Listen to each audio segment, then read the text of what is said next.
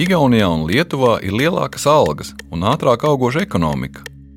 Latvija iepaliek.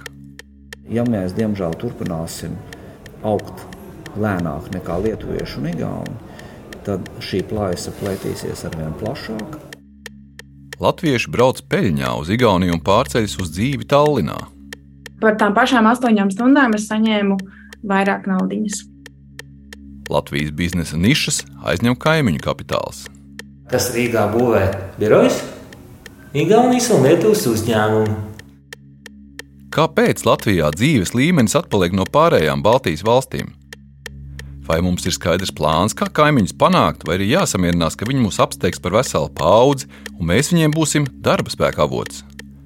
To atvērto failu pusstundā pētīšu es, Andrejs Vasks. Pirmā daļa - kalkulācija diezgan vienkārša.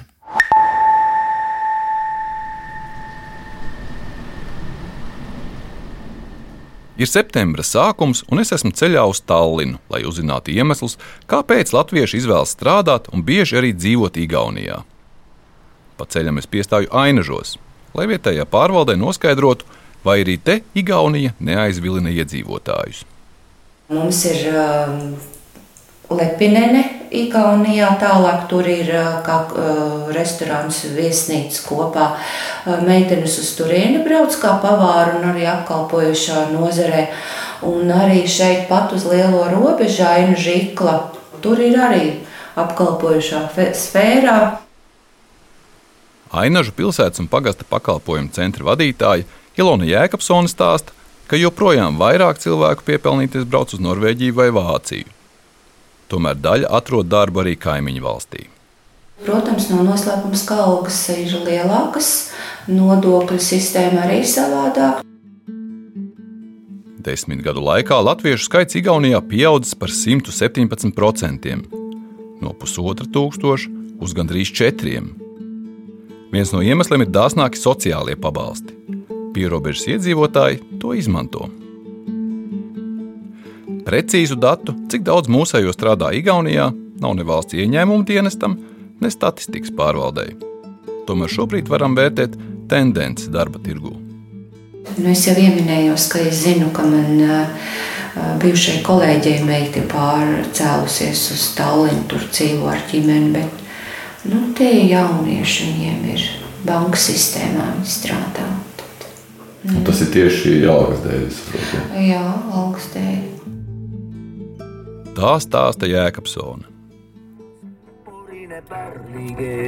kas tõesti me kollektiivse lõime, tahad, räägin sulle. Esmu ieradies Tallinā un satieku 35 gadus veco Jāni Ābeli. Tas bija mm, būtībā, varētu sacīt, galvas tiesa pārāk tas piedāvājums. Kad, Tā par savu nolīgšanu Igaunijas kompānijā saka Ābele. Viņš ir programmētājs. Jo, jo tā kalkulācija manā galā bija diezgan vienkārša. Es apskatījos optimālo, ko es varētu izžmiegt, strādājot no 9 rītā līdz 9 vakarā. Un tad es vēl uzmetu pa virsmu, un tad es vēl uzmetu pa virsmu, un kad es sāku justies tādu diskomforta sajūtu, kad, ko es atļaujos darīt, izsacīju šādu piedāvājumu darba devējiem, un darba devējs ok. Un pēc tam ir šoka sajūta, ko, ko tagad darīt. Pēkšņi ir pavisam savādāk nu, finansiālais stāvoklis.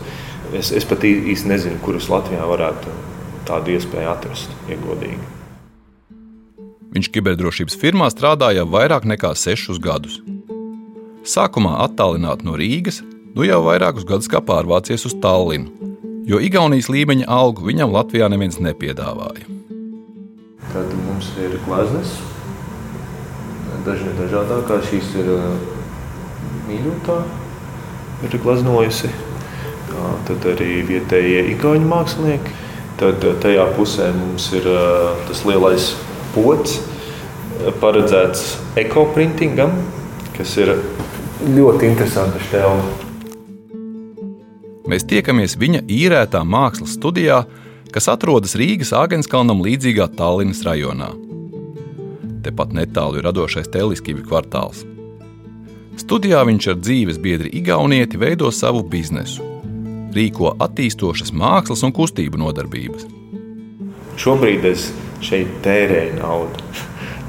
Tad, tāpēc ir nepieciešama tā pirmā no 9 līdz 5. Tas ir tas posms, kā es dabūju naudu iekšā. Un šeit ir kaut kāda otra daļa, kur es, ir iespēja izpausties. Bet nu, pārsvarā šobrīd ir izdevumi tikai.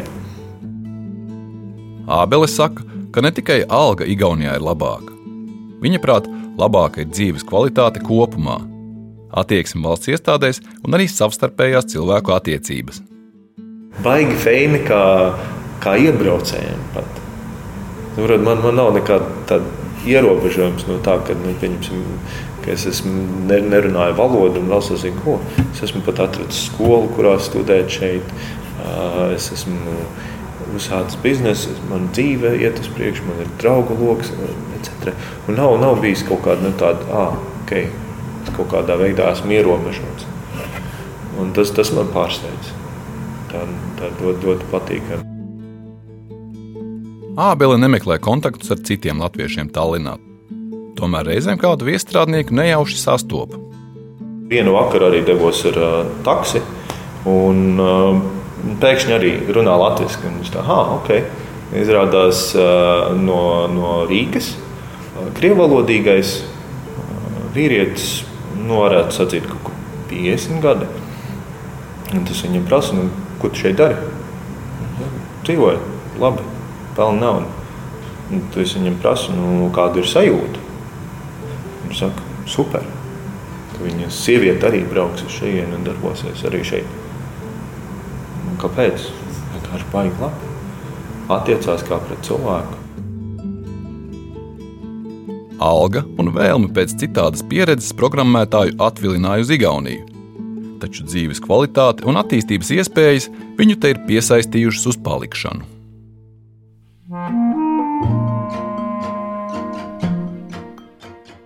Mani sauc uh, Krista Meinārde. Uh, man ir 29 gadi. Un, uh, un cik gadus es strādāju Igaunijā? 5,5. Krista Meinārde ir projektu vadītāja transporta pakalpojumu un preču piegādes uzņēmumā. Igauniju firmā viņa sāka strādāt Rīgā, studiju laikā par klientu atbalsta speciālisti. Kompānija piedāvāja izaugsmes iespējas, bet bija jāpārceļas. Galvenais bija tas, ka darot to pašu darbu, būtībā paliekot tāpat uh, amatā, kas ir uh, customer support specialist, klientu atbalsta speciālists. Tad uh, jā, par tām pašām astoņām stundām es saņēmu vairāk naudas. Šajā amatā Rīgā alga 2016. gadā bija 800 eiro, Tallinā 1100. Pieņemt lēmumu palīdzēja arī tas, ka tieši tobrīd viņa nevarēja atrast dzīvokli Rīgā. Tallinā tas bija vienkāršāk. Tuvu mājām, bet tomēr ar citu sajūtu. Tā bija viena no lielākajām um, laikām selling point, runājot angļuiski. Man šos reizēm ir grūti pār, pār, pārslēgties uz latviešu valodu. Mēnārde igauņu valodu vēl tikai mācās. Darbā un ar savu igauņu dzīvesbiedru mājās viņa runā angliski. Valodas nezināšana netraucēja iejusties. Man biežāk uztver par igaunu nekā latvieti. Tallina ir ļoti dzīvīga, iedvesmojoša pilsēta. Te ir daudz darba iespēju, kur iesācējus vilina ar 1300 eiro algu, stāsta Meinārda. Igaunijā tā atšķirība ir tā, ka šeit ir tik daudz startupi, nu, miljonus, un tu vari atrast darbu, ja tu vēlēsies strādāt entry level position, tu vari atrast, un tu vari atrast labu apmaksātu darbu. To, ka Igaunijā algas ir augstākas, statistika rāda jau sen. Manu uzmanību piesaistīja sociālajos tīklos klejojošs attēls, kurā Baltijas valstis bija sadalītas reģionos, un katrā norādīta vidējā alga uz rokas. Bagātākie iekrāsoti zilā un zaļā krāsā, nabadzīgākie sarkanā. Igaunija iekrāsota zila un zaļa. Valstī algas ir virs 1000 eiro, bet ap Tallinu pat 1400. Lietuvā alga nav zemāka par 800 eiro. Latvijā lielākā daļa ir sarkanā krāsā.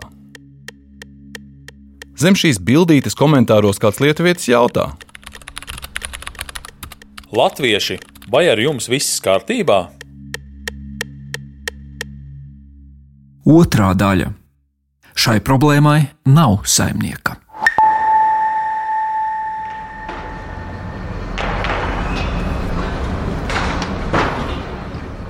Jau desmit gadus mēs varam lepoties, ka mūsu ekonomika aug. Aug arī algas. Šogad no janvāra līdz jūlijam vidējā alga augusi par 85 eiro pirms nodokļiem.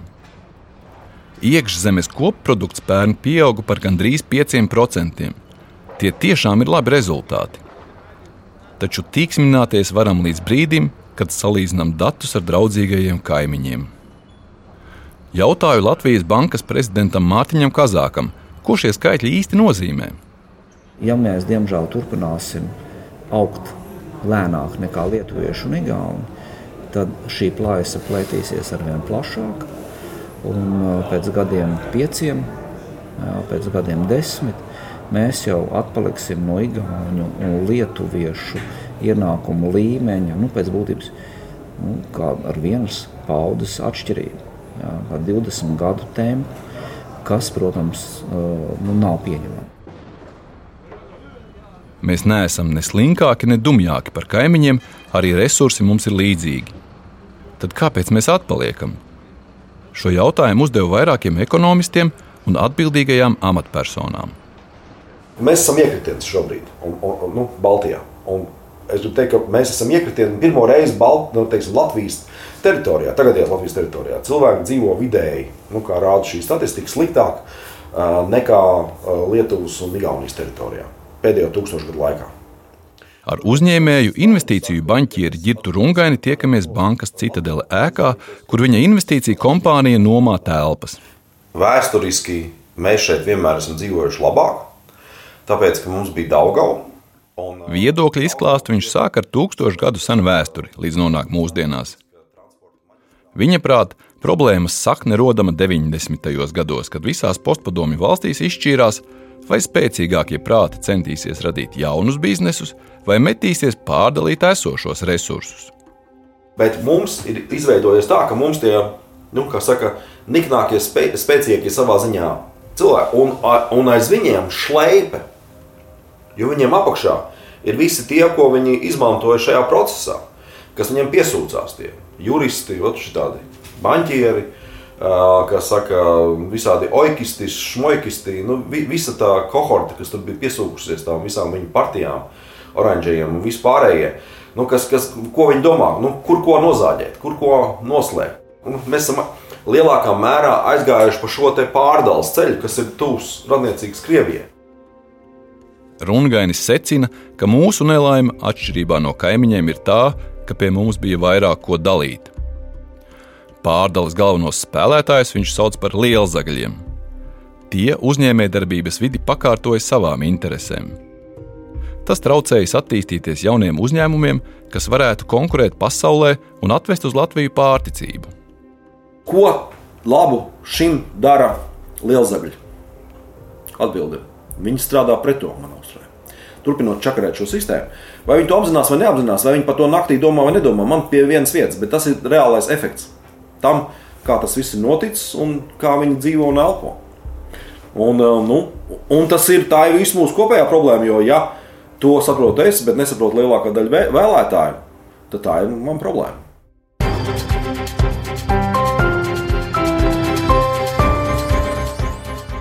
Vārds, ko mēs esam publicējuši, viņi ir to teikuši. Ir žurnālistis arī uzskaitīja komisijas deputātiem publikācijā saskatāmās valsts nozagšanas pazīmes, kā arī norādīja. Tā pirms pieciem gadiem Latvijas televīzija vēstīja par oligārhu lietas izgāšanos. Atgādināsim, ka viesnīcā Rīdzene knapi noklausītās politiķu un uzņēmēju sarunas kalpoja kā viens no galvenajiem pierādījumiem tā dēvētajā oligārhu lietā, kas tika ierosināta 2011. gadā pēc vairākiem krimināla likuma pantiem. Žurnāls ir publicējis sarunu ierakstus. Tajās atklājās, kā Ainārs Šlesers kārto politisko un biznesa dzīvi ar Aivaru Lembergu, Jāni Urbanoviču, Andriu Ameriku, Jāni Dūklavu un citiem. Luminor bankas ekonomists Pēteris Strautiņš izceļ šo sarunu nozīmīgumu. Oligarhijas kaitīgā ietekme bijusi ļoti liela un ļoti daudzpusīga. Viens tieši finansiāli zaudējumi, kaut ko nozog vai, vai uzpūst pasūtījumu, melnās, mazās melnās kastītes digitalizācijas projektā un tā tālāk. Cits publiskās dienas kārtības piesārņošana.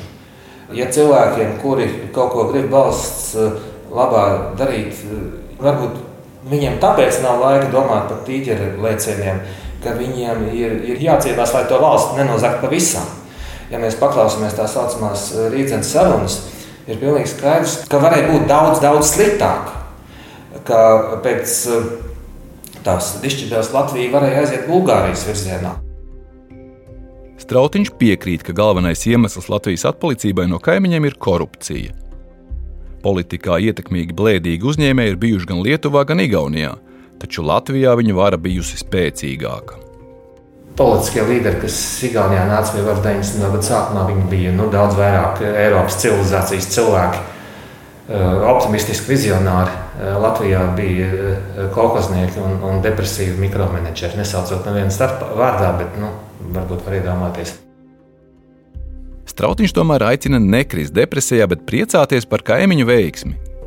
Mēs no tā tikai iegūstam. Par to var uztraukties, par to var priecāties. Redziet, Baltijas valsts ir arī Latvijas tirgus. No turienes šeit cilvēki, atpūsties, tērē naudu, no turienes nāk investīcijas. Varbūtība, ka Igaunijas vai Lietuvas uzņēmums investēs Latvijā, ir nesaskaitāms reizes lielāka nekā to izdarīs Argentīnas uzņēmums. Kas Rīgā būvē birojas? Igaunijas un Lietuvas uzņēmumu. Tomēr nabadzīgā kaimiņa loma nav patīkama. Lai no tās izrautos, mums ir jāmainās. Viena no organizācijām, ko regulāri uzklausa valdība un politiķi, ir ārvalstu investoru padome. Tā pārstāv kapitālu, kas Latvijā var ieguldīt vairāk vai izvēlēties citu valsti. Nespēja gadiem mazināt ēnu ekonomiku ir viens no izaugsmes kavēkļiem, iezīmē padomas priekšsēdētājs Lata Elksniņa Zašķirīnska. Šai problēmai nav saimnieka. Nav īsti, kas ir atbildīgs par to. Ja, jo vienmēr atbildīga bija, vi, nu, bija vids, un vidam vajadzēja izdarīt visu. Bet to nevar izdarīt. Tas nav iespējams. Tā Elksniņa Zašķirīnska. Viņa turpina. Pieņemsim, ja mēs skatāmies uz privātu māju būvniecības segmentu, kur mēs pārsvarā visi saprotam, ka visticamāk tur ēnu ekonomika eksistē, cilvēkiem maksā, nu, nemaksājot visas algas nodokļus, tad jautājums, kā valsts ieņēmuma dienas to varētu atrisināt. Ar šo piemēru ārvalstu investoru padomus priekšsēdētāji ilustrē uzreiz divas problēmas. Pirmkārt, vietas, kur ēnu ekonomiku meklēt, ir labi zināmas. Otrakārt, tikko ar kādu jautājumu jāstrādā vairākām iestādēm, tas nerisinās. Ieslēdzas birokrātiskie šķēršļi. Administratīvais sloks joprojām ir pārāk liels un sarežģīts. Pat tiešām tā ir saka bijusī finanšu un ekonomikas ministre Dana Reizniece Ozola. Pat tiešām tā ir. Un tad nav runas tikai par nodokļu likmi, bet uh, administrēšanu. Nu, es, piemēram, tagad arī uh, strādāju Latvijā nodarbināta persona, kas strādā pie ārvalstī reģistrētas juridiskas personas. Mums Starptautiskā šāda federācija ir Šveicē. Uh, reģistrēta, es maksāju nodokļus šeit, Latvijā. Es esmu bijusi finanšu ministre. Un man, lai samaksātu nodokļus par sevi, prasa milzīgi laiku un uzmanību, lai es nekļūdītos un saprastu, cik tiešām man ir jāmaksā, lai es nepaliktu parādā valstī vai neapšmauktu sevi. Ja. Nu, pārāk sarežģīti. Reizniece Ozola tagad ir Startautiskā šaha federācijas vadībā. 2021. gada sākumā viņa aizgāja no politikas, sarežģītā nodokļu administrēšana daļēji ir bijušās ministres brāķis, par ko lauž čēpus arī šajā priekšvēlēšanu laikā. Nu, iedomājieties, mums ir saimnieciskās darbības veicēji. Mums ir tur, es pat viņus nevaru atcerēties, pašnodarbība, individuālie komersanti, mikro uzņēmēji. Jā, ko darīt? Patentā viens paliek, viens. No tā ir tā vienkāršota. Un 10% maksā tajā Nē, uh, kontā. Viss. Vajag vienkāršot. Noteikti vajag vienkāršot. Reizniece Ozola saka, ka daļu reformas sabojāja kompromisi. Uzņēmēji viņas pārkārtojums slavē par to, ka peļņu vairs neapliek ar nodokļiem, ja tā ieguldīta uzņēmumā. Tas ir no Igauniem noskatīts modelis, ko biznesa pieprasīja vairāk nekā desmit gadus. Tas prasa milzīgu darbu, jo es kā ministrs katru dienu strādāju gan ar saviem ierēģiem, gan ar uzņēmēju organizācijām, gan ar arotbiedrībām, gan ar Latvijas banku, gan ar no citiem speciālistiem. Pasaules bankas speciālisti bija piesaistīti. Tas prasa ikdienas mežonīgu darbu un laiku, un acīm redzot, ne visi ministri ir gatavi tik ļoti ieguldīties reformās. Salīdzinājums ar Baltijas valstīm ļauj mums labāk saprast, ka algas lielumu un dzīves līmeni ietekmē ne tikai mūsu pašu spējas, bet arī valsts vadība, ko ievēlam. Šī atziņa caurvīja ikviena manis intervētā cilvēka teikto. Trešā daļa. Vai mums ir plāns? Galvenais stratēģijas dokuments mums ir Nacionālās attīstības plāns. Tam pēc svarīguma katrā nozarē pakārtoti milzums citu. Taču plānos ierakstītais dzīvē īstenojas reti. Latvijas problēma ir nevis tajā, ka mēs nezinām, ko darīt, bet uh, problēma ir tajā, ka mēs to uzrakstām, bet līdz galam to nekad neieviešam. Un pēc tam sākam meklēt jaunus risinājumus. Tā saka Latvijas Bankas prezidents Mārtiņš Kazāks. Lielisks piemērs tam ir sešu gadu nacionālais industrializācijas plāns periodam līdz 2020. gadam. Tā mērķis bija struktūrāli mainīt ekonomiku, lai veicinātu augstākas pievienotās vērtības preču un pakalpojumu ražošanu, palielinātu rūpniecības lomu, to modernizētu un veicinātu eksportu. Būtisks ir fragments no šī plāna novērtējuma. Plāna mērķi bija ambiciozi, un lai gan neviens no četriem izvirzītajiem mērķa rādītājiem netika sasniegts, tomēr jāatzīmē, ka apstrādes rūpniecības apjoma dinamikā un produktivitātē ir izteikts progress. Atskaitē par plāna rezultātiem ekonomikas ministrijas ierēģi cenšas saskatīt pozitīvo. Tomēr skaitļi ir bēdīgi. Apstrādes rūpniecības daļai iekšzemes koproduktā 2020. gadā bija jāpieaug līdz 20%, taču tā nokrita vēl zem 2011. gada līmeņa un apstājās pie 12,2%. Tas pats notika ar ieguldījumiem pētniecībā un attīstībā. Mārtiņš Kazāks aicina nopietni lūkoties zaļā kursa virzienā. Pamainot nodokli mazliet vienā vai otrā virzienā, tas devums būs marģināls. Jā, tur ir apsēžamies pie galda, apstāmies, ko mēs esam ierakstījuši visos iepriekšējos plānošanas dokumentos. To darām. Kas jādara pašreizējā brīdī? Man trīs, trīs vienkāršas lietas. Jā. Rīga, kā Baltijas ekonomikas galvaspilsēta, otra lieta - zināšanas, kā pamats, jā. un trešā lieta - ilgspējība. Jā. Zaļais kurs nav sapņu lietas, tā ir nākotne.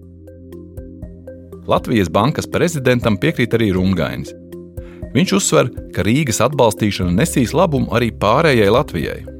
Latvijas neattīstības viens no atslēgas punktiem, kas ir vēl, mēs varam stundu runāt par to, cik ļoti svarīgi ir un kāda mūsu bagātība ir tieši Rīga, lielākā aglomerācija Baltijā. Un kad ir šo Rīgu jāmāk operēt, tas ir tā ir mūsu bagātība. Un, un viens no iemesliem, kāpēc mēs esam tur, kur mēs esam, ir tas, ka mēs to neesam darījuši. Tieši otrādi mēs to Rīgu esam smacējuši un čakarējuši. Pēc ekspertu teiktā, līdz šim politikas prioritāte bija resursus ieguldīt citur, tikai ne Rīgā. Tagad pieeja sāk mainīties. Kaut gan vidas un reģionālās attīstības ministrija pavasarī apturēja jaunā Rīgas attīstības plāna pieņemšanu. Tas kavē investīcijas. Ko par ekonomikas atpalikšanu saka politiķi, kas pašreizējā saimnes sasaukuma laikā atbildēja par tautas saimniecību? Parlamentā ekonomika visciešāk ir tautsājumniecības komisijas lauciņš. Nu jau vairāk nekā gadu to vada Kristiāns Feldmans no konservatīvajiem. Viņš saka, nekāda reāla, visiem saprotama plāna nemaz nav. Latvijā ir ļoti daudz plānu, visvisādi plāni ir uzrakstīti, visdažādāk, tik daudz naudas iztērēts plānus rakstot. Nu, es, eh, tie parasti tiek izmantot, lai piesaktos, lai ierēdniecība piesaktos kaut kādos gadījumos. Ja? Bet reāli, te, kad nonāk līdz tai lēmumu pieņemšanai, tie ir tādi uz personiskajām sajūtām, ja? Eh, nevis balstīti kaut kādos plānos.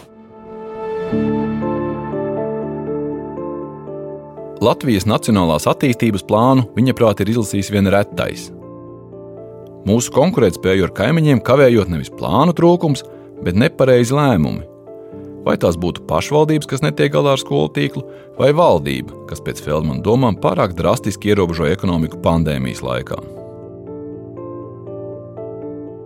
Ekonomikas ministre Ilze Indriksone no Nacionālās apvienības ir optimistiskāka. Viņa saka, tagad plāni ir reālāki, un tos izpildot, būs rezultāts pamatnostādnes, industriālās pamatnostādnes, kur arī ir plāns, ka uh, mums jāsasniedz 27 miljardu eksports, jo eksports, protams, ir viss noteicošākais faktors valsts kopējā tautsēmniecības izaugsmē, jo tās valsts, kas spēj eksportēt pēc iespējas vairāk, tās arī pēc iespējas vairāk resursu iegūst savai attīstībai. Tas plāns, pa kuru izpildīja iepriekšējā periodā, neviens no tiem mērķiem netika sasniegts ir jauns plāns, bet ar citiem jau uzdevumiem un citiem mehānismiem un citu pieeju. Jo, manuprāt, arī tieši eh, inovācija pārvaldība un zinātnes eh, komercializācija, faktiski akadēmiskās zināšanas un eh, fundamentālās zinātnes novest līdz biznesam. Un tā sinerģija un sadarbība ir tas, kas mums varbūt šobrīd iepriekšējā periodā nav tik labi izdevies. Tas ir tas saka, izrāviena pamats, kas būtu šobrīd ļoti, ļoti aktīvi jāveicina. Skeptisks par ierēģu sarakstīto dokumentu nozīmi valsts pārvaldē ir arī premjerministrs Krišjāns Kariņš no jaunās vienotības. Nu, mums eh, valstī plāni ir diezgan daudz un dažādi uzrakstīti. Tā grūtība ir turēties pie viņiem un, un panākt politisko vienošanos. Kariņš nosauc trīs būtiskus darbus, kas var celt dzīves līmeni Latvijā. Tā ir reģionālā reforma, kas jau ir veikta, izglītības reforma, kas ir procesā, un valsts uzņēmumu pārvaldes reforma, kas tikai knapi iesākta.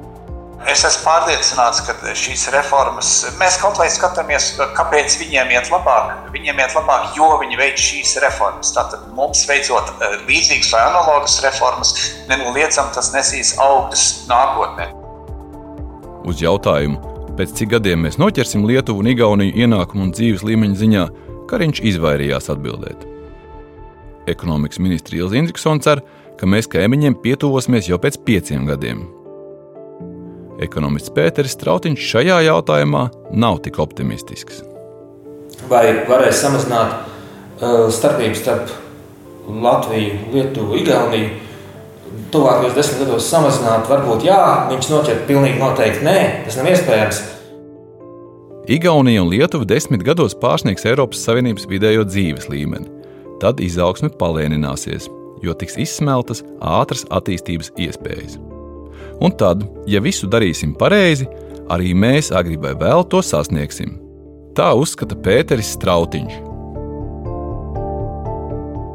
Tikmēr Krista Meinārde, kur pārcēlusies uz dzīvi Tallinā, nav atmetusi domu, ka kādreiz varētu atgriezties Latvijā. Jo ilgāk es dzīvoju, jo vairāk par to domāju ja man gribētos mainīt savu dzīves vietu un gribās darīt kaut ko, tad es to darīšu neatkarīgi no tā, vai šeit maksā vairāk vai mazāk. Vismaz šajā laikā manā dzīvē man tas, man tas baigi neskar. Bet būtu forši, protams, jā, ja, ja Latvija iesteigtu visā tajā darba tirgu.